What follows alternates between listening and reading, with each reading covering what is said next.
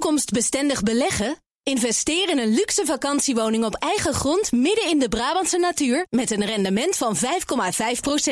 Vakantiepark Strabrechtse Venne opent komend voorjaar. Ontdek het op investereninbrabant.nl. BNR Nieuwsradio. Europa. Geert-Jan Haan en Donatello Piras. Kalo Apoyevma, als ik het goed uitspreek. Goedenavond in het Grieks. Welkom bij BNR Europa, het programma over Europese zaken... met blikken naar Brussel en verder buiten. Mijn naam is Geert-Jan Haan en naast mij niet de vakantievierende Stefan de Vries... maar een tijdelijk ingevlogen eurocommissaris, commissario Europeo Donatello Piras. Buonasera. Ja, en een eer om eh, hier aan te mogen schuiven natuurlijk. Um, normaal hou ik me uh, vanuit de Italië-podcast natuurlijk met een klein gedeelte van Europa bezig. Maar we gaan de blik nu wat verbreden. En zeker ook omdat het vandaag gaat over de Dag van Europa. 9 mei is het weer zover volgende week. En sinds 1958 is het trouwens een officiële feestdag voor de Europese ambtenaar. En het is een Europese feestdag omdat, zo heb ik me laten vertellen, op 9 mei 1950 de aanzet werd gegeven voor de Europese eenwording. In een tijd dat er toch blijkbaar ook wel vrees was voor een nieuwe derde wereldoorlog. Kijk, en voor sommigen is dat ook nu de angst in deze actuele situatie. En een van onze gasten, oud-staatssecretaris en voormalig Europarlementariër Gijs de Vries, die vraagt zich af of wij in Europa nog wel bereid zijn om te vechten voor onze vrijheid en democratie, zoals bijvoorbeeld Oekraïne momenteel doet. En ook Peter Giesen schuift aan, digitaal. Hij is Europa-commentator bij de Volkskrant. En met hem kijken we breder naar de Europese sentimenten die anno 2022 leven. En ook in de studio is Arnold van Brugge voor een meer antropologische kijk op de Europeaan. Samen met Rob Harnstra werkt hij aan het tienjarige project The Europeans. En schetst hij een portret van modern Europa. Kortom, met deze vooruitblik op de Dag van Europa peilen we de gemoedstoestand van de Europeaan. En we sluiten natuurlijk elke uitzending af met een moppie Europese muziek. En Oh ja. soms, Donatello, Ja? zinkt die gemoedstoestand mij dan in de schoenen. Ik kan niet altijd de muzikale keuzes van de redactie waarderen. Oké. Eh, eh, dit is het nummer van deze week. Ik ben benieuwd wat je ervan vindt.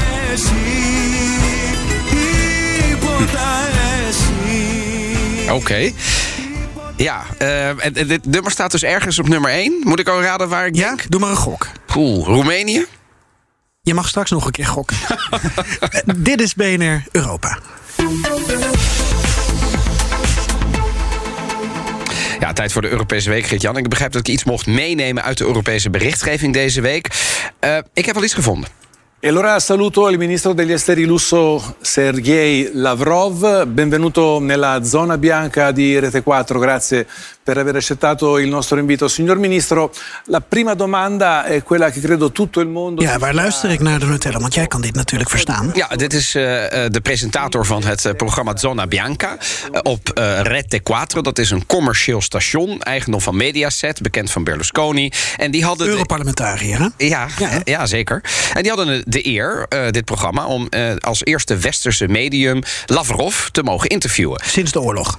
Zeker. Die hij geen oorlog noemt. Ja, ja die, hij geen, die Lavrov geen oorlog noemt, maar interventie. Ja, en hier wordt hij met alle egaars eh, nou ja, welkom geheten. En de eerste vraag is, komt er een derde wereldoorlog? En daarna ontspon zich een ontluisterend interview van 40 minuten. Ja, wat ik dan maar doe, leeglopen van Lavrov. Zonder enige vorm van... Nou ja, kritische vraag, wat op zijn minst opmerkelijk eh, genoemd mag worden. Но, по-моему, у Гитлера тоже была еврейская кровь. Это абсолютно ничего не значит. Arnold, kun je dit verstaan? Ja, zeker. Ja, ja, dit Ja. is natuurlijk ook uitgebreid in het nieuws gekomen. Eh, ja, het is ook het voordeel van zo'n niet-kritische journalist... Dat, dat je inderdaad la- iemand laat leeglopen... en dit soort ontluisterende complottheorieën... uit zogenaamd een van de topdiplomaten op aarde hoort Ja, komen. laten we even duiden wat hè, voor, de, voor de mensen waarbij het eh, Russisch wat roestig is. Dit wat valt zegt bijna niet te duiden. Dit was één zinnetje. Ja. Hitler had jo- ook Joods bloed, Ja, volgens mij. precies, ja. Dat was wat hij zei. En dan verwees hij Ja. naar Zelensky. En Precies, eh, ja. heel eh, anti, antisemitisch eh, Europa viel over hem heen. Maar het positieve, als we dat eruit mogen halen, is dat er een enorme polemiek is ontstaan. Heel veel kritiek is ontstaan, eh, zeker ook in Italië. En de eerste die zich ervan distancieerde, dat was Draghi. Ja. De volgende ochtend. Daar komen we straks misschien nog even over te spreken. Maar laten we even naar jouw mediabericht van deze week gaan, Geert-Jan. Ja, er was een peiling op de website van de Slovak Spectator. Gedaan door, eh, dat is een Engelstalige eh, Slovaakse nieuwswebsite. Gedaan door peilingbureau Focus Agency Poll voor TV Markisa. Heb ik alle bronvermeldingen weer netjes gedaan. Het ging om de vraag aan de Slowaken: bent u voor of tegen een Russisch energieembargo, dus olie en gas? 62% van de Slovaken zegt absoluut nee, absoluut op tegen. En 25% zegt ja, maar dan ergens in de komende jaren. En slechts 7% zei ja, per direct mag dat uh, energieembargo er zijn. Hmm. Hoe moeten we dit duiden, deze toch wat uh, ja, uh, negatieve respons op dat embargo? Zijn ze bang? Nou, de ene Europeaan is de ander niet. Ik denk dat dat ook de, de strekking van deze uitzending is, hoewel we op zoek gaan naar de Europeaan. Maar ja. wat ik weet van Slowakije is dat uh, op, de, op vandaag, woensdag, uh, Slowakije een van de landen is die zegt: wij gaan niet zomaar zonder slag of stoot instemmen met het zesde sanctiepakket van de Europese Want dat Commissie. staat daarin, hè? Dat, daar gaat het over. Ja, ja, in dit geval over olie, een olieboycott. Ja. De Slovaakse regering kan het volk ook gewoon niet geruststellen met een andere olieleverancier. Want als ik het goed heb, is 96 van de uh, olie in Slowakije. Uh, je komt door een pijplijn vanuit Rusland. Ja. En breder gezien is deze peiling denk ik ook interessant. Omdat we overal in Europa natuurlijk discussies zien over hoe onze relatie met Rusland moet zijn. Hè? In jouw Italië natuurlijk ook. Ja.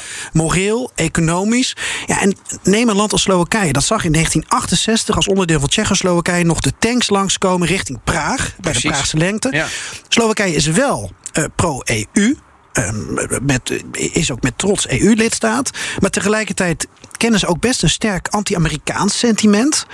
En op sommige vlakken is het dus economisch enorm afhankelijk van Rusland. Het is. Het is een lastige situatie dus waar ze zich in begeven. Het is Centraal-Europa. Maar ja. dat is denk ik soms voor ons vanuit ons Nederlandse perspectief gewoon lastig uh, te begrijpen. En laat dat soms maar weg. Maar daar gaan we het wel over hebben vandaag. Gijs de Vries, voormalig Europarlementariër, uh, hier in de studio. Uh, dit zesde sanctiepakket tegen Rusland. Um, ja, wij in een gesprek op de redactie hebben het ook wel de lakmoesproef van de Europese Unie genoemd. Namelijk, de Europese eenheid wordt nu echt op de proef gesteld. Overdrijven we het dan? Niet als je al die sanctiepakketten bij elkaar optelt. Want dat is natuurlijk wel gezamenlijk de lakmoesproef. Is de Europese Unie, zijn we met elkaar in staat om een geloofwaardig en effectief antwoord te geven op de grootste militaire eh, omwenteling op ons continent sinds de Tweede Wereldoorlog? Daar staat wel wat op het spel. Waar de Oekraïne voor vecht, is voor het recht van de Oekraïners om in vrijheid en democratie hun eigen toekomst te mogen invullen. zonder autoritair bestuur van wie dan ook. Mm-hmm. Dat is natuurlijk wel het op opkomen voor de kernwaarden waar we ook wij voor staan. En ja, daar moet je dan als West-Europeanen of als andere Europeanen wel iets voor over hebben om uh, de Oekraïners daarbij te steunen. Ja, en de grote vraag is: hebben we dat ervoor over? Daar gaan we het natuurlijk ook nog over hebben. We gaan het ook hebben over de Dag van Europa, al eerder benoemd op 9 mei. Als je nu kijkt wat er allemaal gebeurt op ons continent, je zou bijna kunnen spreken van het jaar van Europa. In welke zin dan ook? Je hebt een paar van dat soort jaren gehad. uh, eerst had je natuurlijk de financiële crisis, die Europa ontzettend op de proef heeft gesteld, maar waar uiteindelijk de EU sterker is uitgekomen. Er zijn zelfs na de financiële crisis landen toegetreden tot de euro. Toen heb je de coronacrisis gehad, zelfde laken en pak. Iedereen dacht einde van de Europese Unie. Er is het grootste financiële herstelpakket in de geschiedenis van Europa uitgerold. En we hebben nu uh, het conflict tussen Rusland en uh, Oekraïne, de invasie van de Russen. En daaruit rolt dat de Europese Unie voor het eerst militaire steun geeft aan een land buiten de Europese Unie. En bovendien een historisch sanctiepakket tot stand brengt. Dat is nog niet het eind van het verhaal. Nou ja, dus leven we in een tijd waarin uh, niet in één jaar, maar eigenlijk door de jaren heen duidelijk wordt wat het belang van Nederland bij dat Europa is. Dat we uitsluitend met onze buren samen kunnen zorgen voor stabiliteit en welvaart. En dat we dat dus ook samen moeten willen vormgeven. Ja, uh, uh, Peter Giesen van de Volkskrant, goedenavond. Ook uh, digitaal bij ons. Ja, het jaar van Europa, de dag van Europa. Hoe kijk jij ernaar? Hoe zou je erover schrijven voor de krant? um, nou ja, het is in ieder geval opmerkelijk um, hoeveel eenheid Europa de laatste tijd uh, uitstraalt. Hè. Je kunt er allerlei kanttekeningen bij zetten. Nu ook weer uh, de opstelling van Hongarije en ook Slowakije. Maar als je kijkt wat, wat er uh, de afgelopen tijd gebeurd is, is het echt ongelooflijk veel. En Gijs de Vries maakte al de vergelijking met de eurocrisis en de financiële crisis. Maar toen duurde het vaak jaren voordat er echt iets gebeurde. nu is er in, maanden, is bijvoorbeeld een land als Duitsland ook in, in Europees verband verder gegaan dan het ooit gegaan is. En de bondskanselier Scholz heeft wel steeds op zijn kop gekregen omdat hij te veel aarzelde. Maar uh, als je kijkt in welk tempo de taboes overboord zijn gezet over uh, levering van wapens, Nord Stream 2 en dat soort dingen. Dus ik vind het ja, heel opvallend. En zeker ook als je het vergelijkt met het begin van de pandemie. toen er ja, door heel veel mensen werd gesproken over een herleving van het nationalisme. Het was toch eigen volk eerst met landen die lidstaten die elkaars mondkapjes probeerden weg te kapen, grenzen sloten enzovoort. Ja, ik vind het bijna tijd voor een feestje. Ah ja. Alle mensen weer de broeder. Hoppakee. Ja. Ja. Ja, de dag van Europa komt eraan. Ehm Donatello. Ja.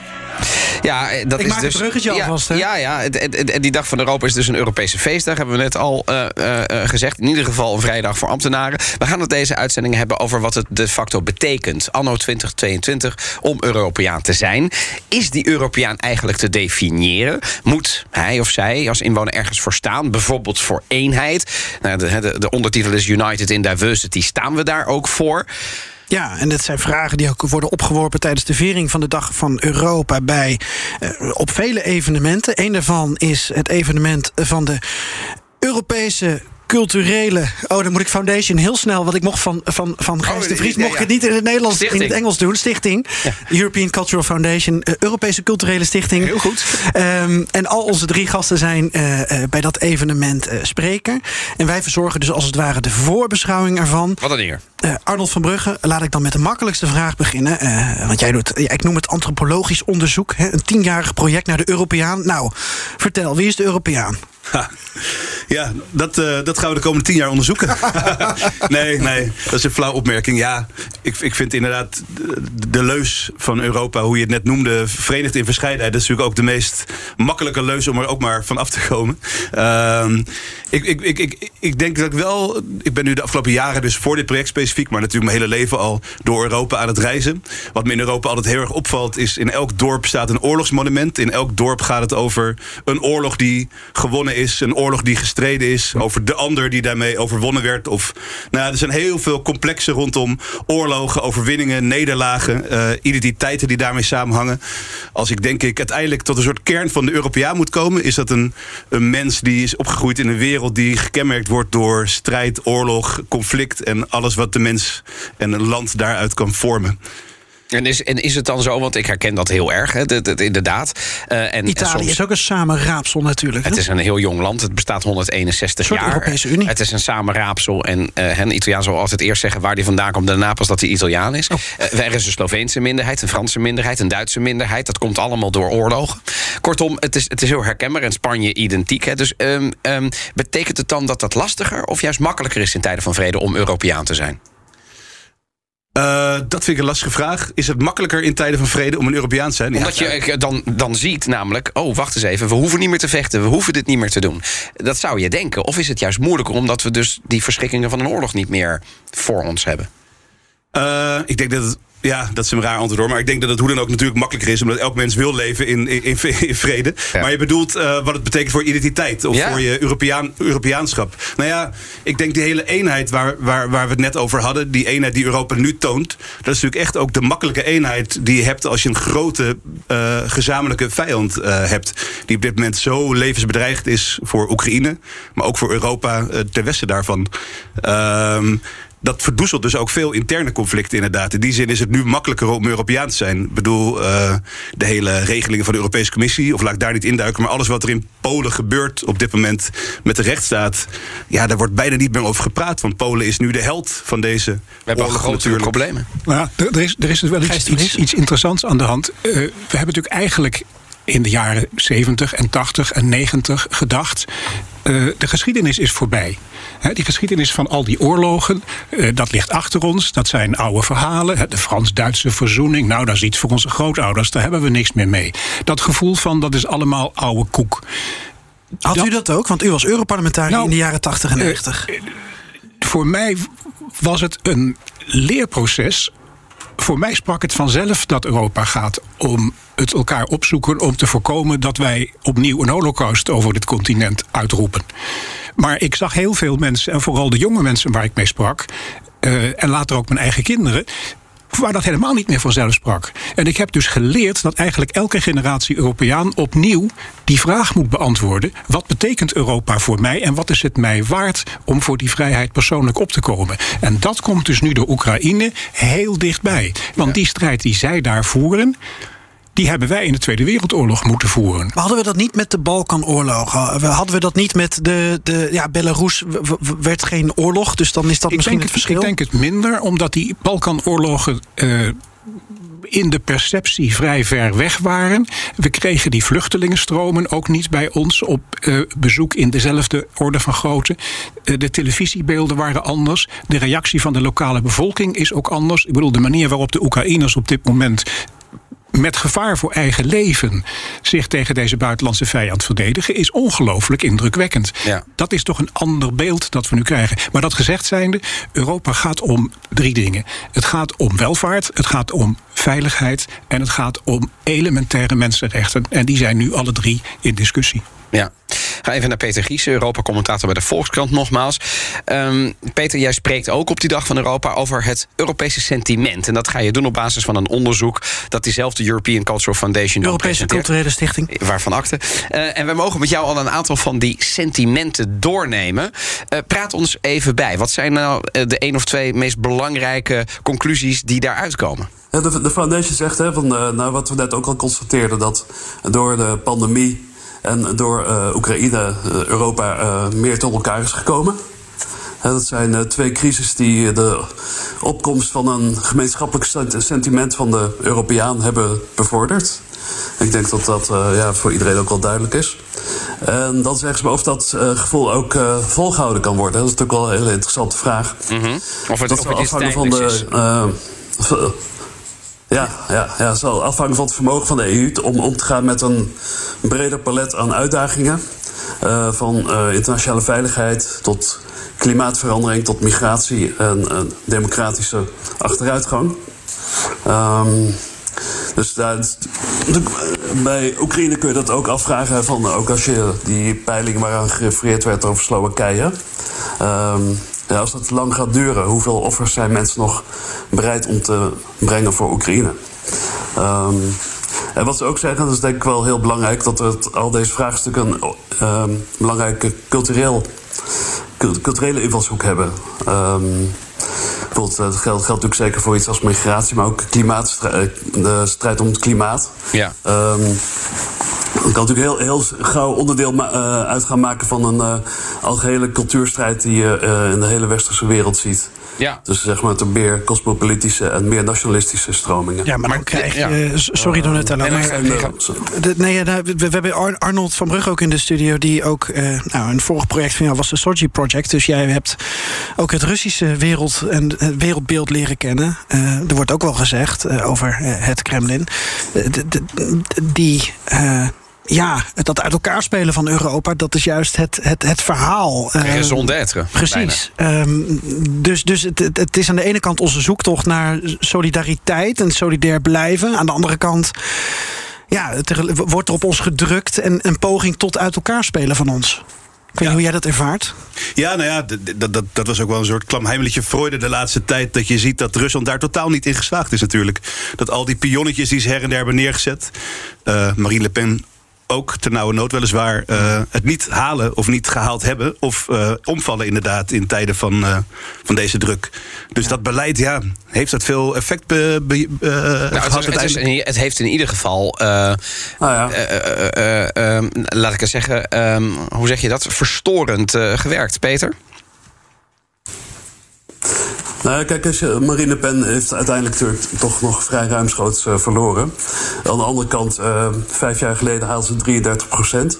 Toen was ik zelf eh, correspondent in Frankrijk, dus ik heb het van nabij meegemaakt. Toen werd al gezegd, het is eigenlijk een onbestaanbaar hoge score voor zo iemand. Nu is het, was het eh, 42 ongeveer. Eh is een flinke winst in vijf jaar. En ik sprak met eh Stéphane Séjourné, de voorzitter van de liberale fractie in het Europarlement, een medestander van eh, Macron. En die zei: eh, Ja, we zullen echt eh, om Europa te, te behouden, of de Europese Unie zoals wij die kennen, zullen echt onze problemen op nationaal niveau, echt die polarisatie tussen bevolkingsgroepen moeten oplossen. Want als, dat, als, als ons dat niet lukt, ja, dan zal vroeg of laat uh, extreem rechts in Frankrijk aan de macht komen. Ja, en, en dat kan wellicht gelden uh, ook voor, voor andere landen natuurlijk. Uh, Gijs de Vries, de, de, de, die, die, ja. die tweedeling, um, als we daarnaar gaan kijken op Europees niveau, namelijk je hebt mensen die enorm pro-Europa zijn, en die worden natuurlijk vrij snel weggezet door de eurosceptici. Is dat niet een groot gevaar voor het Europese ideaal, voor het Europese burgerschap in de nabije toekomst? Ja, uh, maar ik denk dat de meeste mensen vrij pragmatisch naar dat soort dingen kijken. Uh, er is een groepje uh, euro-enthousiastelingen, mm -hmm. nou, daar mag u mij bij rekenen. er is een groepje absolute euro-haters. En de meeste mensen zitten daar ergens tussenin en die stellen gewoon de vraag: heb ik er wat aan? Ja, maar die hoor je nooit, hè, die grote groep die er tussenin zit. En die anderen zijn nogal uitgesproken en bepalen wel het discours, ook in de media. Maar soms kijken de media alleen naar de mensen met hun grootste mond. En als je daar achter kijkt, dan zie je een andere werkelijkheid. Als je bijvoorbeeld naar de Eurobarometer kijkt, het Europese opinieonderzoek wat al jaren loopt, dan zie je twee interessante dingen. Je ziet dat eigenlijk de meeste Europeanen overal, ook in Nederland, zeggen: Ik voel mij eigenlijk zowel burger van mijn eigen land als Europees burger. In Nederland 70 procent. Dat is wel een verandering ten opzichte van een aantal decennia geleden. En misschien nog interessanter, het vertrouwen in de Europese politiek is al nou, 14 jaar, eh, sinds de peilingen zijn begonnen, hoger dan het vertrouwen in de nationale politiek. Ook in Nederland. De Nederlanders in de laatste opiniepeiling zeggen... we hebben met 45% van de Nederlanders vertrouwen in de Nederlandse regering... en 54% in de Europese Unie. Dus met andere woorden, achter die ruzie in de cijfers... en al die uh, kletsverkopers, uh, voor en tegen zit een grote meerderheid van de bevolking die zegt: er gebeuren toch wel interessante dingen. Niet alles deugt, maar per saldo is het wel in ons belang. Ja. Arnold, uh, we gaan uh, straks in de podcast die mensen kunnen beluisteren, doorpraten ook over sentiment, over cultuur. En ook over uh, wat, wat Gijs de Vries gaat vertellen op 9 mei. Namelijk ja, de, de, vraag opwerpen of Europeanen bereid, bereid zijn om te vechten voor democratie en vrijheid, zoals de Oekraïners nu doen. Kun je al kort vanuit jouw kennis van zowel West-Europa als Oost-Europa ehm, zeggen dat wij wel of niet bereid zijn dat te doen? Om te vechten, letterlijk, voor vrijheid en democratie? Ah, ik denk het wel als het erop aankomt. En ik denk dat het ook heel erg scheelt hoe ver je naar het oosten gaat. Uh, uh, ik heb het idee dat hoe meer je naar het oosten gaat, hoe dichter bij Rusland komt, hoe, uh, hoe sneller de wapenen opgenomen worden. of opgenomen zullen worden voor, voor vrijheid en democratie. Maar uiteindelijk, als het erop aankomt, kan ik me niet voorstellen dat het, dat, dat het hier uiteindelijk niet gebeurt. Want je ziet bij zo'n oorlog als Rusland nu opent tegen Oekraïne, zo'n ongelofelijke golf van afschuw door de samenleving gaan. Zo'n enorme golf van solidariteit. Ik denk dat dat een soort basis is die je kan constateren. Die als een land als Nederland of Europa de Europese Unie zelf wordt aangevallen, dat het ook die consequenties heeft. Het heeft in elk geval de Russen denk ik wel erg verbaasd dat de eenheid in het Westen, zowel de Europese Unie als met Canada en de Verenigde Staten, zoveel groter was dan ze zelf hadden verwacht. Ja. Uh, Marine Le Pen, we noemden er haar eventjes, het feit dat zij zo'n goede band had met Poetin heeft electoraal in haar nadeel gewerkt. Wat hebben wij als Europeanen gemeen? Dat bespreken we in aanloop naar de Dag van Europa in deze BNR Europa. En met we, daarmee bedoel ik mijzelf, Geert-Jan Haan... maar ook onze tijdelijke eurocommissaris Donatello Piras. Ja, en het draait vooral om onze gasten natuurlijk. Arnold van Brugge, projectmaker bij Prospector. En momenteel werkt hij aan het megaproject The Europeans. Ook de gast is Peter Giesen, hij is Europa-verslaggever bij de Volkskrant. En Gijs de Vries, oud-staatssecretaris, voormalig Europarlementariër... lid van de Europese Conventie, lid van de Europese Rekenkamer. Nog veel meer om op te noemen. En alle drie sprekers op de Dag van Europa tijdens een evenement uh, van de Europese Culturele Stichting. Uh, Europe Day 22, The Future is Now. Uh, ik weet niet of dat ook in het Nederlands is vertaald, maar Europadag 2022. De toekomst is nu. Bomvol programma. Een hybride festivalachtige viering van Europadag. En je kunt er ook digitaal bij zijn, maar ook fysiek. Naar de Bali en meer informatie vind je op. Ja, het is toch een Engelstalige website, culturalfoundation.eu. Nou, laten we dan nog even inzoomen wat jullie voor het voetlicht willen brengen. Om uiteindelijk dan weer te eindigen bij het startpunt. Namelijk de vraag: wat is een Europeaan anno 2022? Um, ja, Gijs de Vries, um, wat is nou de hoofdboodschap die daar wordt verkondigd? Door u. Namens, namens ja, door jou, sorry, ja, mochten ja. tutoyeren. Oh, door... ja, ik wou dat zeggen. Ik weet niet wat de anderen gaan zeggen. Ja, ja, ja nee, maar, door jezelf. Uh, ja, ik, ik zou het toch willen hebben over wat we nu eh, als Europa zouden moeten doen om samen met de Oekraïne eh, de komende periode dat gemeenschappelijke Europa tot stand te helpen brengen. De, he, waar de Oekraïners nu voor vechten, is voor het recht om bij ons te mogen horen. Maar betekent dat dan de facto, om dan de, de elephant in the room maar even te benoemen... Olifant in de Kamer. Lid, lid, lid, lidmaatschap of niet? Is dat, een, is dat een belangrijke stap in deze? Nee. De vraag is wel lidmaatschapsonderhandelingen openen of niet. Uh, een eventueel lidmaatschap van Oekraïne is nog zeker tien jaar weg en zo niet uh, langer. Uh, dat weet ook iedere Oekraïner. Maar de vraag is tweeledig. Wat zijn wij als mede-Europeanen in de tussentijd bereid te doen om het land te helpen. Uh, in de vorm van massieve economische steun om hun bedrijven in staat te stellen op de Europese markt mee te doen. Maar ook steun aan hun staatsinstellingen, de rechterlijke macht, uh, de officier van justitie, de politie. Om de corruptie te bestrijden en de rechtsstaat te verstevigen. Dus dat is één. Wat zijn wij bereid samen te doen? En twee is, hoe zijn wij dan bereid intussen de Europese Unie aan te passen? Ja. Want als je straks drie, vier extra lidstaten krijgt, dan verlamt natuurlijk de besluitvorming. Dat is nu al moeilijk. Dus je zult daarover moeten praten. En je zult natuurlijk ook een antwoord moeten geven op de vraag: hebben we niet iets te bieden? Dat die Oekraïners en anderen in die komende tien jaar ook het gevoel geeft dat er vooruitgang wordt geboekt. Dus tussenstapjes. Dus een soort deellidmaatschap op onderdelen van de Europese Unie. Als overgangsfase naar een eventueel volledig lidmaatschap. Als ze dan aan alle voorwaarden voldoen. Daar moet het over gaan. Ja, misschien was ik te, iets te oorlogshitserig uh, door telkens te stellen dat, u, uh, dat je de vraag stelt: uh, zijn we bereid om te vechten voor democratie en vrijheid zoals de Oekraïners? De, de vraag is: zijn wij bereid om democratie en vrijheid gezamenlijk met deze mensen vorm te geven. Ook als dat betekent dat we daar zelf een beetje voor in de beurs moeten tasten. Ja, precies. Ik, maar ik dat is dus een financiële. Dat, dat, dat, dat gaat het dus dan, om, dan om geld, maar het gaat precies. ook om politieke steun. En het gaat om de vraag of wij bereid zijn samen dit continent een beetje vorm te geven. Tegelijkertijd uh, komt die solidariteit bij ons uh, voor die Oekraïners uh, toch wel deels doordat zij daadwerkelijk bereid zijn om te vechten voor hun vrijheid en democratie. Maar daarom vond ik het ook jammer dat minister-president Rutte, die ik persoonlijk graag mag, eigenlijk meteen die hele discussie afserveerde. Door te zeggen, ja, die hele discussie is prematuur. Uh, en daar klinkt toch een beetje in door. Uh, jullie zijn nog niet op ons niveau. Ga eerst maar eens je huiswerk maken en kom over een aantal jaren nog maar eens een keer kijken. Maar uh, ik, ik, onderbreek u toch, ik onderbreek je toch even. Het is moeilijk, het is, dat je, ja, nee, nee, dat heeft alles te maken met. kijk, Rutte uh, vertelt eigenlijk niks anders dan de regelgeving. Hij houdt zich gewoon aan wat de afspraken zijn. Terwijl Ursula von der Leyen, Draghi en anderen... Ja, die nemen ineens de vlucht naar voren. En die roepen eigenlijk iets wat, wat volgens, volgens mij de regels helemaal niet kan. Namelijk, je moet namelijk een paar stappen doorlopen. Bijvoorbeeld alleen al de corruptie in Oekraïne zou dat nu niet toestaan. Nee, maar dat is, wat, wat zeg dat jij dan? Dat is, dat is toch echt feitelijk niet waar. Vertel. Uh, je hebt altijd twee stappen. De eerste stap is, zullen we besluiten om met elkaar een officieel gesprek aan te gaan? Dat is de vraag die nu op tafel ligt. En vervolgens duren die onderhandelingen uh, vijf, uh, tien jaar. En aan het eind van dat proces ga je kijken of alle afspraken goed zijn uitgevoerd. We moeten dus niet nu al de indruk wekken dat we aan het eind van dat proces zijn. Dat zijn we helemaal niet. Het gaat nu om de tussenstappen. En daarvoor zou Nederland, denk ik, met een aantal positieve ideeën moeten komen. Ah ja. Die komen nu uit Italië.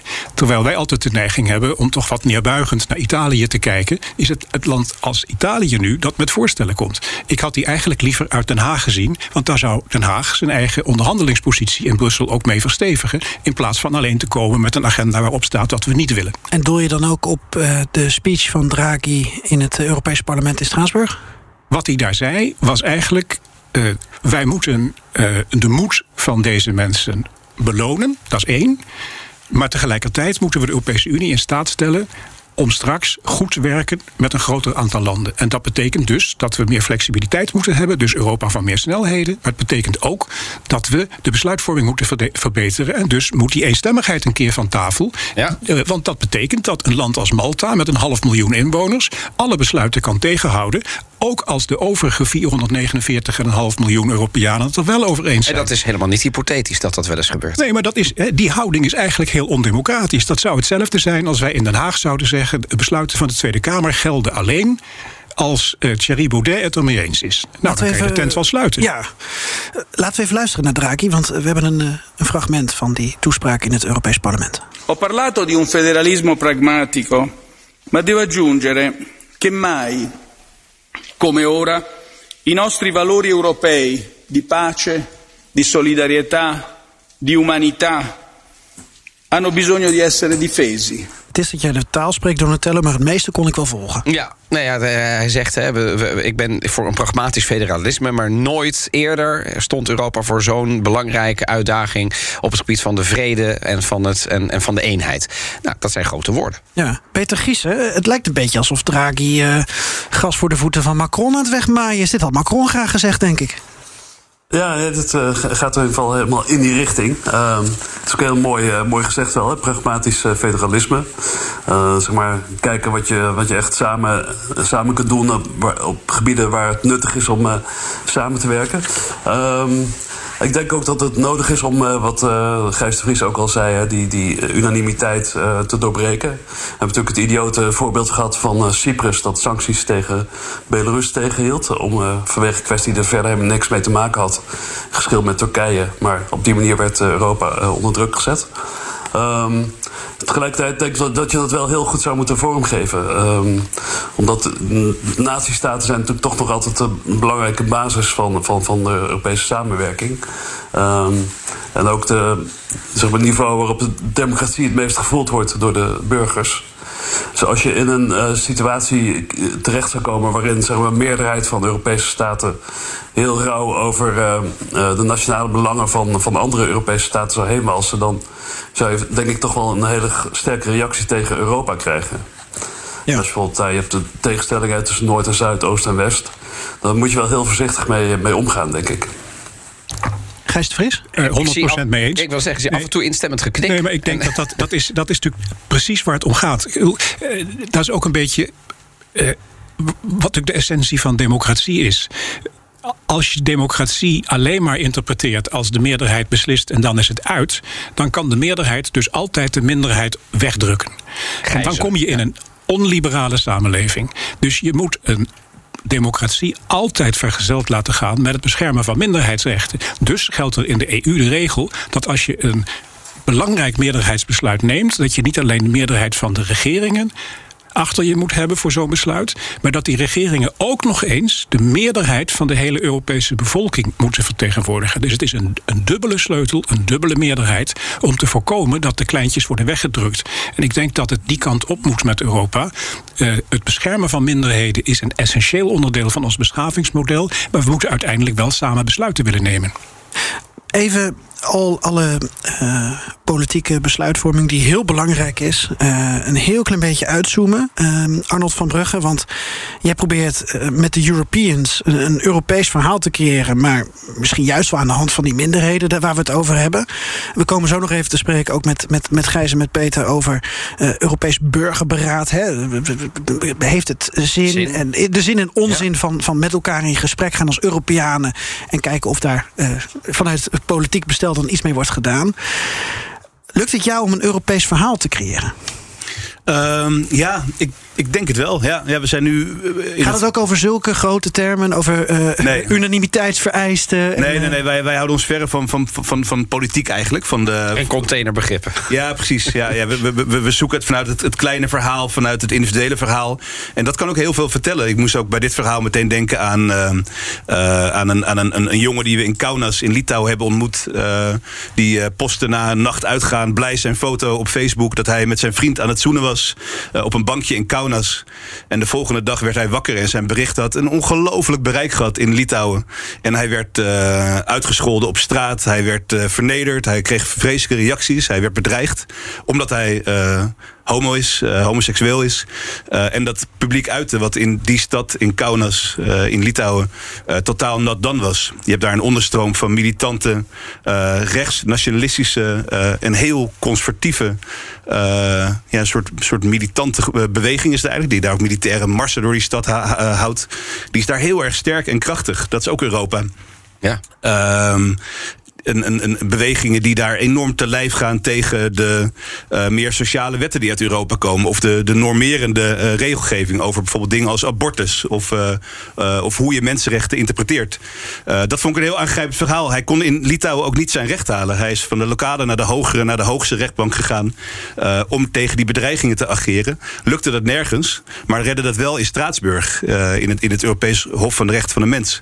En dat is voor mij wel echt. Dat is voor mij het, het belangrijkste verhaal van Europa eigenlijk. Dat is een verhaal wat ik ook overal in Europa uh, kan oppikken. Hoe je in Europa je, je recht kan halen als burger. Ik vond het ook een van de structureel naarste dingen van deze oorlog Oekraïne-Rusland is dat Rusland nu definitief lijkt het uit de Raad van Europa weg is en dat geen Rus meer naar Straatsburg kan gaan, wat veel Russen deden. Ik ben in Tsjetsjenië geweest uh, lang.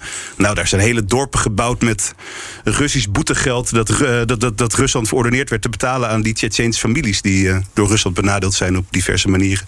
Dat is een heel erg groot verhaal van, van Europa. dat buiten de Europese Unie staat, dus. Maar wel ja. de kern van Europa is, wat mij betreft. Ja, zoals je merkt in, in ons programma, Donatello ondervindt dat ook nu aan de lijve. maak ik graag hele grote stappen. Dus misschien goed dat jij nog heel even uitlegt. wat jouw tienjarige project European nou precies dan behelst en in hoeverre dat portret van die jongen uit Kaunas daar bijvoorbeeld in past. Ja, ja. ja. Nou, wij zagen uh, ergens in de jaren 16, daar gebeurde natuurlijk veel. De Brexit, de uh, Trump. Ik was het alweer vergeten door alles wat er nu gebeurt, moet ik zeggen.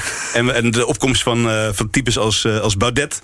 En we dachten van ja, dit wordt, een, dit, wordt dit decennium wat, wat hier voor ons ligt, dat is een, een allesbepalend decennium voor, voor dit Europa. Waar in ieder geval wij als makers ook wel voor staan. Dat Europa wat ik net beschreef. Europa van het Europese Hof van de Rechten van de Mens. Europa van als een soort democratisch bastion dat nu opstaat voor, voor Oekraïne. Uh, dit decennium wilden wij Europa in, in, in kaart brengen, documenteren door middel van heel veel regio's, diep. Uh, uit te graven, te documenteren in boeken, in tentoonstellingen en daar uiteindelijk een soort tijdsdocument van Europa van te maken. Uh, als groot boek, als grote tentoonstelling. Om uh, later te kunnen zeggen van dit was het decennium waarin de toekomst van Europa min of meer bepaald werd. Dat denken wij althans. Dat weten we natuurlijk helemaal niet. We zijn geen toekomstkijkers. Maar ik vind wel dat toen we dit project begonnen en meteen overvallen werden door eerst de pandemie en daarna de oorlog met Oekraïne. En dan hebben we inderdaad nog al die andere kwesties over oprukkend populisme, rechtsextremisme, uh, antidemocratische waarden nog niet echt behandeld. Ik denk dat dit een heel belangrijk decennium voor Europa gaat worden om heel goed in, uh, in kaart te brengen. Is dat dan ook wat je op de dag van Europa gaat vertellen, gaat meegeven? Ja, zeker. Ja, het, is, het, het, is makkelijk om nu juichend over Europa te zijn. Dankzij die inderdaad die, uh, de gemeenschappelijke vijand die er nu even heel krachtig is. Dat is bijna een blessing in disguise dan, als ik het zo, zo hoor. Voor de, voor de, voor de un, van, bedoel, het is niet het is, het is ja. nergens een blessing. Maar, maar of die structurele problemen die daaronder ook ja, in precies. Europa bestaan... Ja. Uh, of die daarmee worden opgelost, dat betwijfel ik ten zeerste. Nou ja, ik wil dat zeggen, dat ik is denk dat dat een niet... heel belangrijk punt is, uh, wat, wat, je, wat je noemt, uh, Arnold. Want er zitten natuurlijk in dat mooie democratische model... waar wij zo trots op zijn, zo langzaam ook, ook, ook barsten. En een van die barsten is dat steeds meer jongeren bijvoorbeeld... niet meer gaan stemmen. Uh, voor dat, Europa? Nee, of überhaupt? Ook überhaupt niet überhaupt. meer. Dat er dus een, een, een spanning aan het ontstaan is tussen een groot deel van jongeren uh, en de democratie, omdat ze die democratie niet meer voor zichzelf relevant vinden. Bij de verkiezingen in Engeland voor het parlement vorig jaar uh, is minder dan de helft van de jongeren komen stemmen. In Frankrijk is het beeld iets beter, maar niet fundamenteel anders. Uh, de Universiteit van Amsterdam heeft vorig jaar onderzoek bekendgemaakt. waaruit blijkt dat op Nederlandse middelbare scholen. de helft van de scholieren, 49 procent, zegt dat voor hen democratie niet belangrijk is. Ja. Nou, dat zijn schokkende cijfers. Dat betekent dus dat we ongelooflijk moeten oppassen dat we de grondslagen van onze eigen democratie uh, sterk houden. En dat betekent op scholen bijvoorbeeld dat we veel meer serieus aan burgerschapsonderwijs moeten doen. Zodat scholieren leren wat democratie is, maar ook hoe zij hun democratische rechten kunnen verdedigen. Hoeveel scholieren horen het voorbeeld wat Arnold nu noemt? Dat als jij je in je rechten beknot voelt, in je mensenrechten, dat je niet alleen naar je eigen rechter kunt stappen, maar ook naar de Europese rechter en dat je daar kunt winnen. Dat verhaal moet op de Nederlandse scholen worden verteld en dat gebeurt volstrekt onvoldoende. Ja. De inspectie heeft daar onderzoek naar gedaan. Schokkend. De inspectie heeft net gepubliceerd dat niet alleen op de lagere scholen het rekenen en het talenonderwijs enorm achteruit is gegaan. Maar dat het ook geldt voor het burgerschapsonderwijs. En dat, het, wat we, dat we sinds 2009 toen het al slecht was, alleen maar verder achteruit zijn gegaan. Ja, en dat brengt mij. eh, wat, ik vind het interessant dat je, dat je dit zegt, Gijs. Want eh, in, in, in ons eerdere eh, gesprek vandaag benoemde je ook dat we de, de, de, nou ja, de, de spraakmakers, de roeptoeters aan, aan de kant, of de enorme eurofielen of de, de, de eurosceptici heel erg horen. Ik, ik, ik denk dan ook, als ik in oplossingen denk, is, is het dan onderwijs? Is dat media die meer de aandacht moet vestigen op dit soort zaken? De, de voordelen van Europa? Ja, daar is de, eigenlijk de, de media niet voor weggelegd. Die, die moeten gewoon een journalistieke waarde doen. De, de scholen zijn dan bijna het is dat enige. zo? Weet ik niet. Nou ja, ik bedoel, Arnold uh, Ja, documenteert ook het opruttelen, dus dat is mooi. project. Maar je zou ook kunnen zeggen, we zijn Nou, veel te vluchtig. Ja, misschien moeten we het ook aan Peter vragen, Ja, die voor de. Volkskrant... eh, schrijf jij dit op in 300 woorden, het verhaal van Arnold over Kaunas? Nee, dat niet. Maar ehm, eh, wat ik de- wel denk is dat, kijk, de media die moet natuurlijk eh, schrijven over eh, en berichten over alles wat er misgaat. Maar je probeert ook, eh, dat, dat is natuurlijk een hele fundamentele en belangrijke taak. Ehm, maar je probeert er ook een evenwichtig beeld te schetsen, ook over Europa. En ieder geval wat ik zelf wel probeer, is ook, ook te laten zien eh, wat er goed gaat. En ook te laten zien waarom eh, Europese samenwerking in sommige opzichten zo belangrijk is. Ik- denk dat je daar helemaal gelijk in hebt. De media moeten geen propagandaverhaal willen vertellen. Die moeten gewoon uitleggen wat er aan de hand is. Maar dat moet dan wel gebeuren. Als ik op de Nederlandse televisie kijk hoeveel aandacht er is voor de voor's en tegens van allerlei Europese zaken. Dan is dat eigenlijk marginaal. Eh, en op de Nederlandse scholen is het nog erger, omdat Nederlandse leraren het een moeilijk onderwerp vinden. En ook weinig opleiding krijgen. Maar zegt het dan niet iets over onze beleving, de Nederlandse beleving? Misschien in weerwil van hoe het in andere landen is. Dat wij gewoon wat minder hebben met Europa als, Ja, maar- als politiek instituut. Is dat zo, eh, vraag me af. Bijvoorbeeld- ik, ik vind zelf de belangstelling bijvoorbeeld voor ehm, nou, wat er nu gebeurt in Oekraïne. Hè? Dat is ook wel logisch, maar ook, het Europese antwoord daarop. Eh, die, die vind ik heel groot. Eh, ik, vond destijds ook bijvoorbeeld eh, hele discussie rond het Europees Herstelfonds. Daar werd ook eh, toch eh, heel veel aandacht aan besteed. Er was ook veel belangstelling voor van, van burgers, eh, naar mijn idee. Wat je wel ziet is niet- dat niet- Europa niet langzamerhand politieker in de nationale democratie aan het worden is. Ja. Dat we gaan, gaan beseffen dat het niet een ver van ons bedshow is, maar dat het ons rechtstreeks raakt. Ik bedoel, Ja, bij de. Franse verkiezingen. Dat is ook zo'n voorbeeld. Ja? Sorry. Vaccinaties, zegt Vaccinatie eh, Peter, ook zo'n ja. voorbeeld. Bij, Ja. bij de Franse verkiezingen vond ik heel opvallend dat de, de minister-presidenten van Spanje, Portugal eh, en wat was de derde ook alweer, eh, die schreven met z'n drieën een ingezonden brief in een Franse krant om te waarschuwen tegen een anti-Europese koers van Frankrijk, omdat zij daar zelf hun eigen burgers grote schade van zagen ondervinden. Dus daar zie je dus dat hè, we onderling eh, belang hebben gekregen bij de binnenlandspolitieke ontwikkelingen in andere landen. Dat is wel een fundamentele verandering. Ja, Arnold van Brugge? Ja, ik, ik denk dat nog één, eh, wat je net noemde bij wat, wat moet gebeuren, burgerschap eh, lesgeven op, op, op school. Ik denk dat één ding nog onbesproken is. Als je ook kijkt naar wie op, op ehm, Le Pen gestemd hebben. Eh, als, als alleen jongeren hadden kunnen kiezen in Frankrijk, dan was Le Pen nu de president geweest. Dat vond ik ook een, een schokkende ontdekking. Nou, van die, Mélenchon eh, volgens mij zelfs. Oh, zelfs maar in de eerste ronde ervoor. Ja, ja, ja. Ehm, kijk, wat, wat, wat ik tegenkom in het project is ook heel erg eh, dat veel jongeren nu aan het vrij zweven zijn, zeg maar. Weet je wel? Sommigen die maken succes, sommigen hebben een toffe baan, carrière, alles. Eh, maar er, is, er, is, er, er- zijn veel, ehm, ja, hoe zeg je dat? Noem je, moet je het slachtoffers noemen? Er is veel protest, stil protest of luid protest tegen hoe het economisch systeem nu werkt. Hoe de welvaart verdeeld is. Je noemde, eh, Gijs noemde in het begin welvaart als een van de pijlers van eh, de Europese Unie. Ik denk dat dat een onderwerp is wat we nog niet behandeld, behandeld hebben dit uur. Wat misschien nog te ver gaat om nu nog uitputtend te behandelen. Maar wat wel echt cruciaal is. Van, lukt het ons nog steeds om ook die welvaart naar onder toe. welvaart de verdeling van welvaart naar Ja. jongeren Ja. eh, eerlijk te houden. Overal zijn enorme antwoord is nee. Als wooncrisis. je alleen al in Italië kijkt, het noorden is, Ja. is nou ja, puissant wil ik niet zeggen, maar een van de rijkste regio's van heel Europa. Na het Roergebied. Als je kijkt naar Zuid-Italië, is het een van de armste regio's. En dat is in een westers land, eh, We- West-Europa. En, en het is in heel veel landen zo geregeld. En wat je nu ziet, is dat overal arbeidstekorten zijn. Mhm. En die lossen we op met andere Europeanen die op hun beurt weer ontvluchten uit hun land. Ergens gaat er iets mis, hè, in, denk ik dan. Maar, maar misschien kan ik toch eh, voor de laatste vijf minuten eh, een, een, een- een soort van structuur hierin aanbrengen. Omdat het ook goed, denk ik, is om het nog heel kort even te hebben over de conferentie voor de toekomst van Europa. En ook Europees burgerberaad. En of daar dus ook een plek is voor jongeren. Of dat jongeren daar niet op zitten te wachten omdat ze niet goed wordt uitgelegd. Dat daar ook een plek voor hen is. Uh, Peter Giesen, jij volgt dit dossier voor de krant. Hoewel er niet altijd plek in de krant voor is, heb ik begrepen. ik wou het zeggen. Um, ik heb een lichtelijk schuldgevoel over dit uh, dossier. Hm. Nee, um, het, uh, ja, kijk, op zichzelf vind ik het heel goed dat uh, burgers uh, uh, over dit soort dingen ook in enige, met enige diepgang kunnen meepraten. Hè, waardoor je democratie en zeg maar, andere vormen van democratie dan de stembus niet direct hoeft te definiëren in ja-nee van een referendum, maar echt met elkaar in gesprek raakt.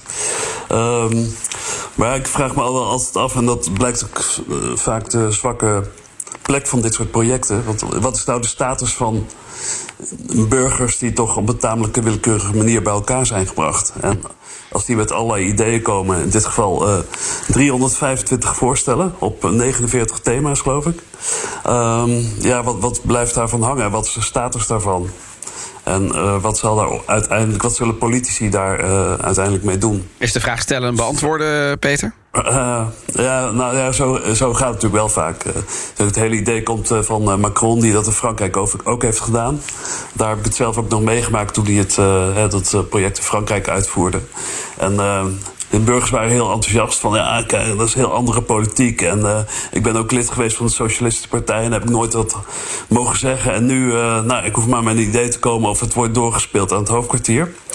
Uh, uiteindelijk was het in Frankrijk zo. En hoeft, hoeft natuurlijk in Europa niet zo te gaan. Maar goed. Ehm, ja, dat Macron gewoon eruit pikte wat hem te pas kwam en de rest liet liggen. Ja, Gijs de Vries, hoe, hoe denk jij hierover? Ik denk dat het heel goed is als gekozen politici uh, hun verantwoordelijkheid blijven uitoefenen. Want daar hebben we democratie voor. Maar dat ze dat wel met meer bescheidenheid moeten doen dan we tot nu toe gewend zijn geweest. En dat trek ik ook mijzelf aan in mijn eigen uh, politieke loopbaan. En dat dit soort burgerinitiatieven eigenlijk een hele goede aanvullende functie kunnen vervullen op de klassieke democratie. Maar dan is wel de voorwaarde dat de politiek van tevoren aangeeft dat ze ook bereid is te luisteren naar de uitkomsten. En daar schort het op dit moment nog een beetje aan. En bereid te luisteren betekent dat als de uitkomsten anders zijn dan het ingeslopen beleid, dat we ook bereid zijn om de koers te wijzigen. Dat bedoel ik. Maar ik denk dat dat onvoldoende is. Ik denk dat je daarnaast ook een aantal extra formele rechten aan mensen moet geven. Bijvoorbeeld, als wij voor de Tweede Kamerverkiezingen opgaan, dan stemmen wij onder andere over de vraag hoe hoog de belastingen moeten zijn in Nederland. Een belangrijke politieke vraag. Gaat mijn stem mij meer, meer kosten of gaat mijn stem mij meer opleveren? Dat kunnen wij niet bij de Europese verkiezingen, omdat de regeringen ons niet laten stemmen over de inkomsten van de Europese Unie. Dat beslissen ze liever zelf. Dus haken mensen bij die verkiezingen af, want dat zijn dan tweederangsverkiezingen. Dat systeem moet dan ook op de schop. Je moet de bureaucratie, die moet de democratie wel willen vertrouwen. Als je echt opkomt voor democratie, dan heeft dat ook tot consequentie dat de macht van de regeringsleiders een beetje gaat worden ingeperkt en de macht van de bevolking moet groeien. Ja, Arnold, om met jou te eindigen. Ik, ik kreeg de indruk op basis van jouw indrukwekkende verhaal over uh, de Litouwer. Um, dat. dat hij uh, nog wel deel zou kunnen nemen aan zijn Europees burgerberaad. Zeker. Merk je dat uh, ook op andere plekken waar je bent? Um, is er toch een Europeaanschap om hem daarmee af te ronden? En de een durft wel de stap te wagen naar dit soort instituten uh, en de ander niet, maar voelt zich wel Europeaan? Zeker. Ja, ik denk, ik, denk het zeker. Kijk, je, zodra je een, een, kleine regio ingaat, word je altijd natuurlijk opgeslorpt door lokale issues en uh, conflicten. Maar ik denk dat zoveel uh, uh, die Europeanen die ik spreek deelt, de uitdagingen van de huidige economie, waar zij voor staan, de, de, de best wel toch moeilijkheden die ik vaak tegenkom van mensen om te leven. volgens mij, als je een Europees burgerberaad met dat soort mensen zou gaan houden. Nou ja, eigenlijk wat in, in Frankrijk ook gebeurde volgens mij. Hè, daar, kwam, daar kwam een redelijk radicaal beleid uit het, uit het burgerberaad beraad tot, uh, tot schik van Macron. Ondanks die redelijk zorgvuldig geselecteerde uh, burgergroep. Het zou heel interessant zijn om dat, uh, om dat te organiseren. Volgens mij kan het Europa echt een stap vooruit brengen. Ja, moet je wel weer een hoofdstuk aan je document toevoegen. Hè? Zeker. Dat wordt nog wat. Er wordt gewoon aan gebouwd. Ik zie het. Uh, hartelijk dank voor jullie tijd. Uh, voor dit ronde tafelgesprek over uh, Europa in de breedste zin van het woord. En een heleboel thema's kunnen we later nog eens uitgebreid behandelen, denk ik. Um, Arnold van Brugge, projectmaker bij Prospect. Dank voor je komst hier in Amsterdam. Hetzelfde geldt voor Gijs de Vries, oud-staatssecretaris, oud-Europarlementariër. En een heel lang cv dat mensen zelf thuis kunnen opzoeken. en digitaal bij ons Europa-verslaggever, commentator bij de Volkskrant, Peter Giesen. Dankjewel, Peter, voor jouw inzichten. Graag gedaan. En, Heel dat ik er niet bij kon zijn. Ja, nou, een volgende keer beter, zeg ik dan. Er is altijd weer een nieuwe dag van Europa in principe. De nummer 1 in. En dan gaan we nu naar de nummer 1. Want ja. uh, Donatello, elke week hebben we een Europese hit voor de radioluisteraar. En normaal spit collega De Vries altijd door de hitlijsten. Ja, nu heb jij dat gedaan, Geert-Jan. En ik mocht aan het begin van deze uitzending een gokje wagen. Ik mocht het opnieuw doen. Ik had het niet goed hè, met Roemenië. Nog een gok.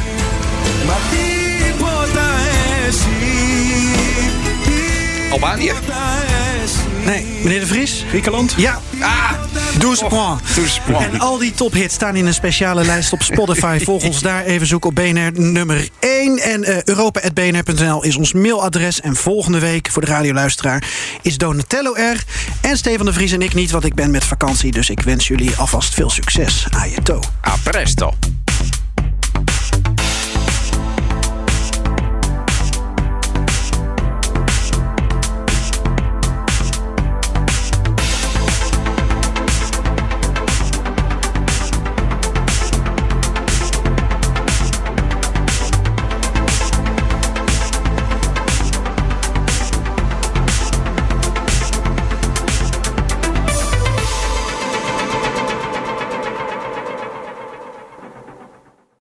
Bestendig beleggen? Investeer in een luxe vakantiewoning op eigen grond midden in de Brabantse natuur met een rendement van 5,5%. Vakantiepark Strabrechtse Venne opent komend voorjaar. Ontdek het op investereninbrabant.nl.